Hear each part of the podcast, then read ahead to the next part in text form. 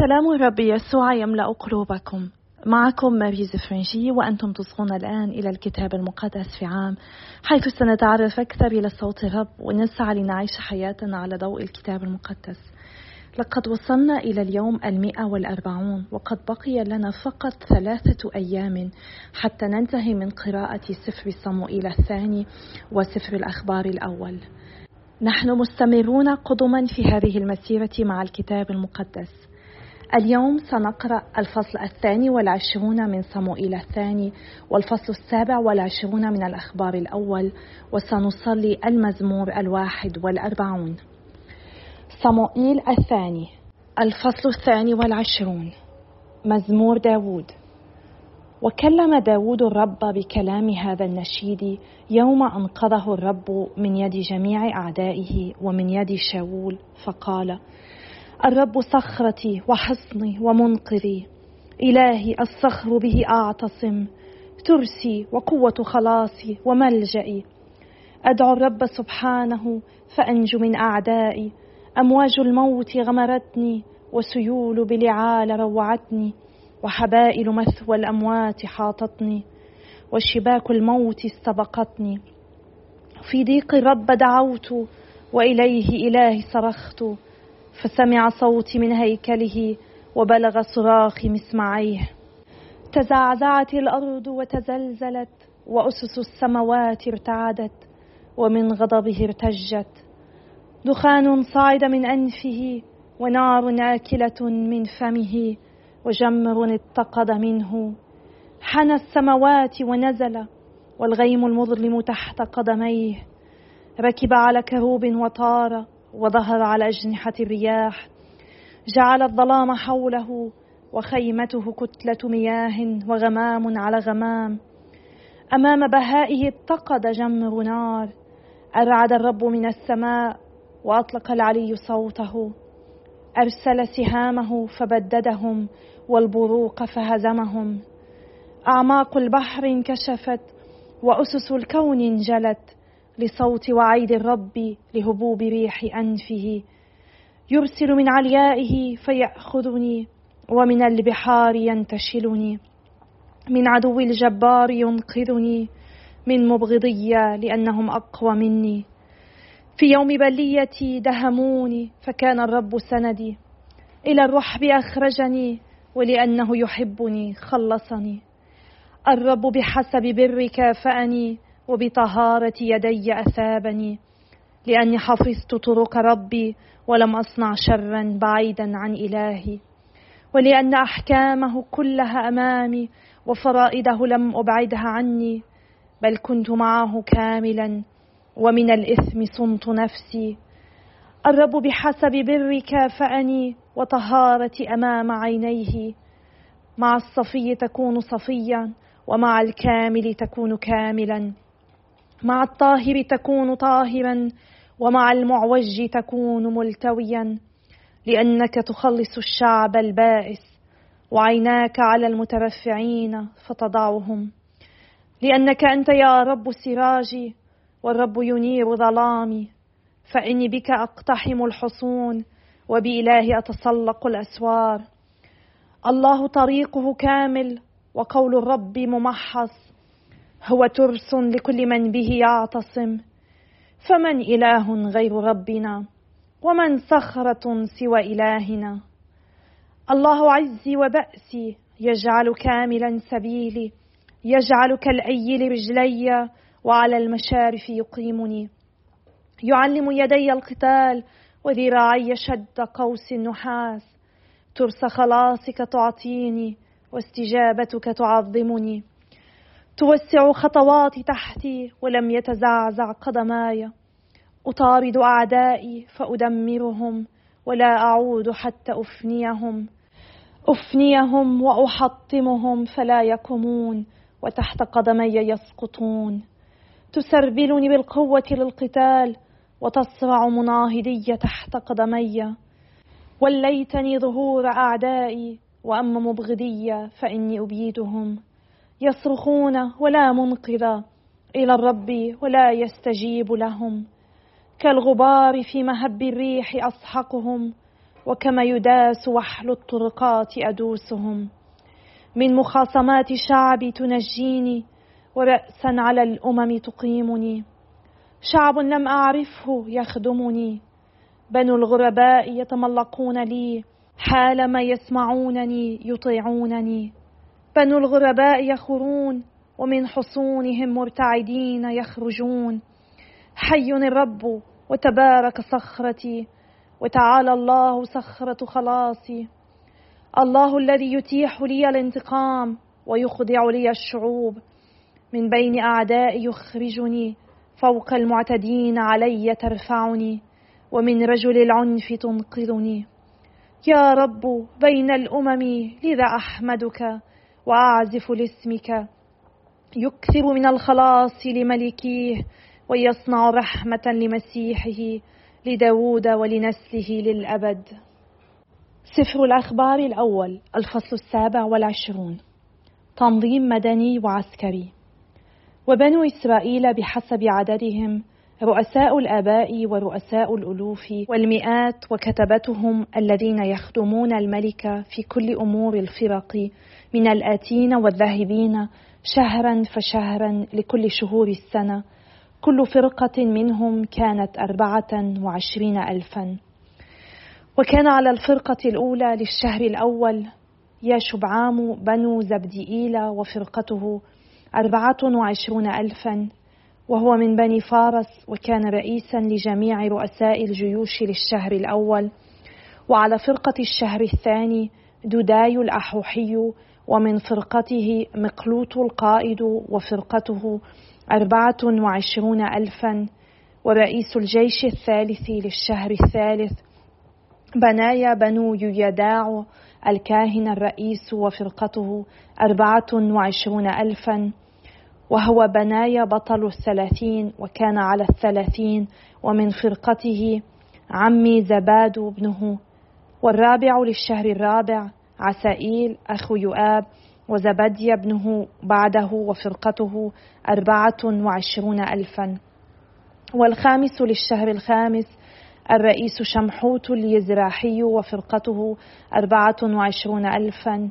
والسادس للشهر السادس عير بنو عقيشة التقوعي وفرقته أربعة وعشرون ألفا والسابع للشهر السابع حالص الفلوني من بني أفرائيم وفرقته أربعة وعشرون ألفا والثامن للشهر الثامن سبكاي الحوشي من الزارحيين وفرقته أربعة وعشرون ألفا والتاسع للشهر التاسع أبي عازر العناتوتي من بنيامين وفرقته أربعة وعشرون ألفا والعاشر للشهر العاشر مهراي النطوفي من الزارحيين وفرقته أربعة وعشرون ألفا والحادي عشر للشهر الحادي عشر بنايا الفرعتوني من بني أفرائيم وفرقته أربعة وعشرون ألفا والثاني عشر للشهر الثاني عشر حلداي النطوفي من عتنئيل وفرقته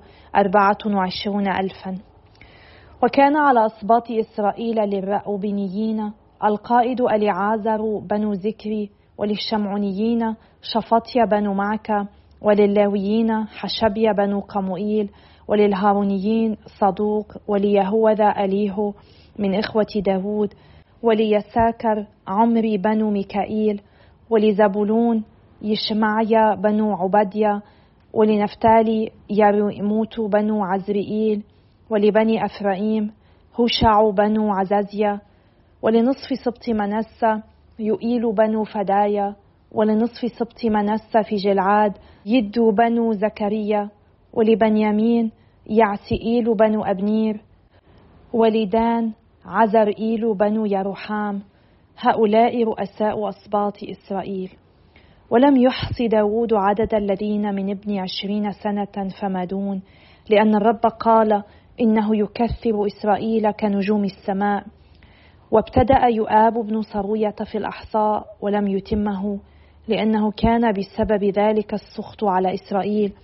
ولم يدون العدد في سفر أخبار الأيام للملك داود وكان على خزائن الملك عزموت بنو عديئيل وعلى خزائن الحقول والمدن والضياع والحصون يوناتان بنو عزية وعلى عمال المزارع في فلاحة الأرض عزر بنو كلوب وعلى الكروم شمع الرامي وعلى ما في الكروم من خزائن الخمر زبد الشفمي وعلى الزيتون والجميز اللذين في السهل بعل حنان الجديري وعلى خزائن الزيت يعاش. وعلى البقر الذي يرعى في شارون شطراي الشاروني. وعلى البقر الذي في الأودية شافات بنو عدلاي. وعلى الجمال أبيل الإسماعيلي. وعلى الأتن يحدي الميرونوتي. وعلى الغنم يزيز الهجري. كل هؤلاء رؤساء الأموال التي للملك داود ويوناتان عم داود كان مشيرا وهو رجل حكيم وكاتب. وكان يحييل بنو حكمون مع بني الملك. وكان أحيتوفل مستشارا للملك وحشاي الأريكي صديق الملك. وخلف أحيتوفل ييداع بنو بنايا وأبيتار وكان يؤاب رئيس جيش الملك. المزمور الواحد والأربعون لإمام الغناء مزمور لداود. طوبى لمن يعنى بالضعيف فالرب في يوم السوء ينقذه. الرب يحفظه ويحييه وفي الأرض يسعده. فإلى رغبة أعدائه لم تسلمه. الرب على سرير الوجع يعضده. إنك تسوي فراش أسقامه. أنا قلت يا رب ارحمني واشف نفسي فإني إليك خطئت. أعدائي بالشر علي يتكلمون. متى يموت واسمه يبيد؟ إن دخل أحد ليراني تكلم بالباطل وقلبه يجمع فوق الإثم إثما ثم يخرج ولا يكف عن الكلام. جميع مبغضي علي يتهامسون والشر لي يضمرون.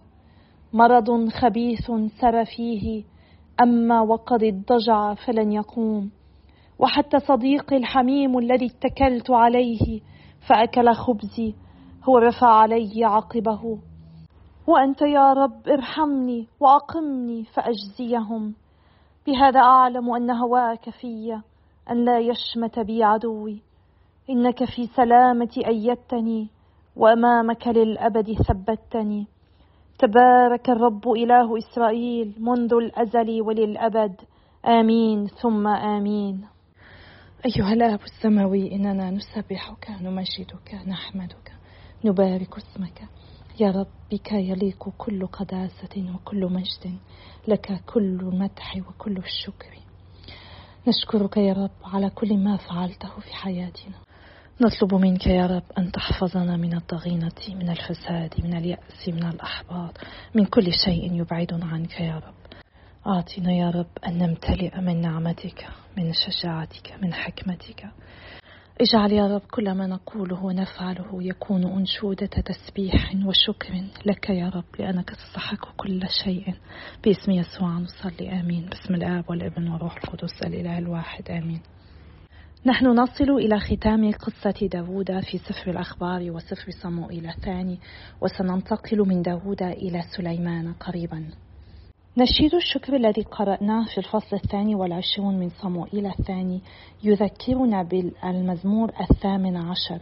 هو يطابقه إلى حد كبير مع تغييرات طفيفة في بعض الألفاظ. ونحن ندرك أن مزمور الثمانية وعشر قد كتب في بداية ملك داود بعد فترة وجيزة من تحريره من شاول ومن أعدائه.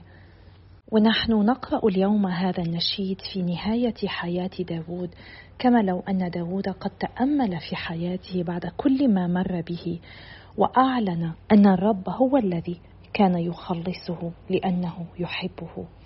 هو الآن يستطيع أن ينظر إلى حياته إلى الوراء أن يفرح بها رغم كل الأخطاء.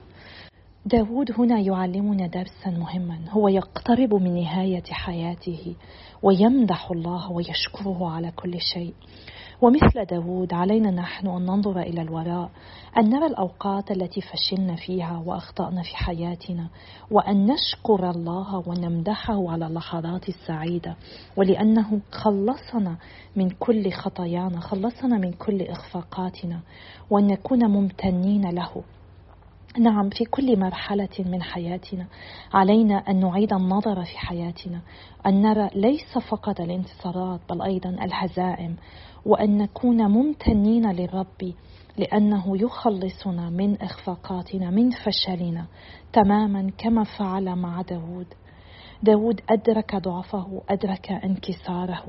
خطاياه كانت واضحة أمامه بشكل كامل وقد تم الكشف عن خطاياه أمام شعب إسرائيل أيضا. ومع ذلك كان هو يدرك أن قوة الله هي التي ساعدته وهي التي جعلته عظيما. هو أدرك أن عظمته كقائد لا تأتي منه هو بل من الله. من السهل جدا عندما نشيخ أو نمرض أو نتعب أن نشعر بأن الله قد تخلى عنا وأن نتغاضى عن فعل الأمور التي يجب أن نفعلها. ها إننا نرى داود في نهاية حياته يسبح الله يشكر الله يمجد الله ونحن أيضا علينا أن نفعل ذلك. التحدي هو أن ندرك ضعفنا أن ندرك حقا. ماذا نحن نستطيع أن نفعل؟ علينا أن نعترف بحقيقة حياتنا بكل شجاعة الأشياء الجيدة والأشياء السيئة وأن نقر بأن الرب هو الذي ساعدنا بنعمته كي نتغلب على ضعفنا. أني أنا اليوم موجودة حيث أنا بسبب رحمته بسبب نعمته لا بسبب استحقاقاتي ولا بسبب أعمالي. بل لأن الرب كان يساندني. الرب كان معي في كل لحظة من حياتي. علينا أن نتعلم أن نكون ممتنين لله على كل شيء. نحن بحاجة لأن نختار التسبيح والامتنان لرحمة الله ومغفرته دائما وتجنب الإستياء والأحباط والجحود. فلنصلي من أجل بعضنا البعض كي ننمو بروح امتنان. في كتاب الرحمة الإلهية حيث تكلم الرب يسوع مع القديسة فوسينا نقرأ في المقطع 1537 في ساعة السجود اشتكى إلي يسوع اليوم من جحود بعض النفوس. هذا كلام الرب. ألقى نقران الجميل مقابل نعمي والنسيان واللامبالاة مقابل حبي. لا يستطيع قلبي تحمل ذلك. فلنعزي قلب يسوع بأن نكون ممتنين له أكثر فأكثر في كل لحظة من حياتنا وأن نقدم الشكر عن كل الذين ينسون أن يشكرونه ولنسعى دائما في صلاتنا أن نبدأ بحمده وشكره قبل أن نطلب طلباتنا. أنا أتشكركم على صلواتكم وتشجيعاتكم ونحن مستمرون في هذه المسيرة سوية بنعمة الله وبقوة صلوات بعضنا البعض. وإلى اللقاء غدا إن شاء الله يوم آخر.